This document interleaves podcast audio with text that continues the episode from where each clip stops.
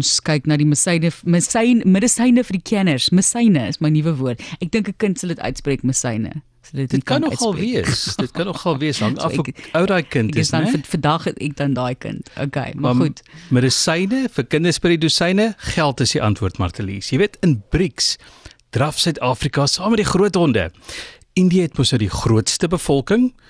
Een kry kinders by die bure en SA sorg Sassa. Ek wonder waar Brasilia gaan afloer want hier is China se plan. Anders as soveel ander dinge is daar aansienlik minder mense wat made in China kan sê. 'n Streek daar probeer die situasie aanspreek deur mense te beloon as hulle trou. Maar die bruid moet 25 of jonger wees om die 1000 yuan te ontvang. Dis so R2550.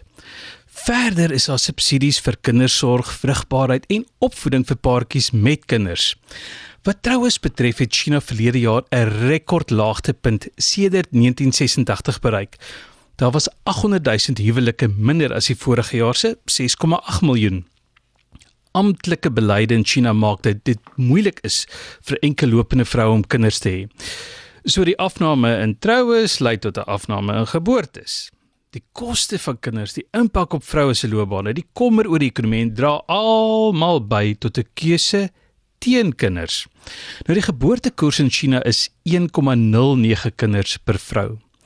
Brasilia huppel so kort koppie voor. Hulle is op 'n geboortekoers van 1,65. Dis nou in 2020 wat al hierdie gemeet is. Rusland was toe op 1,05.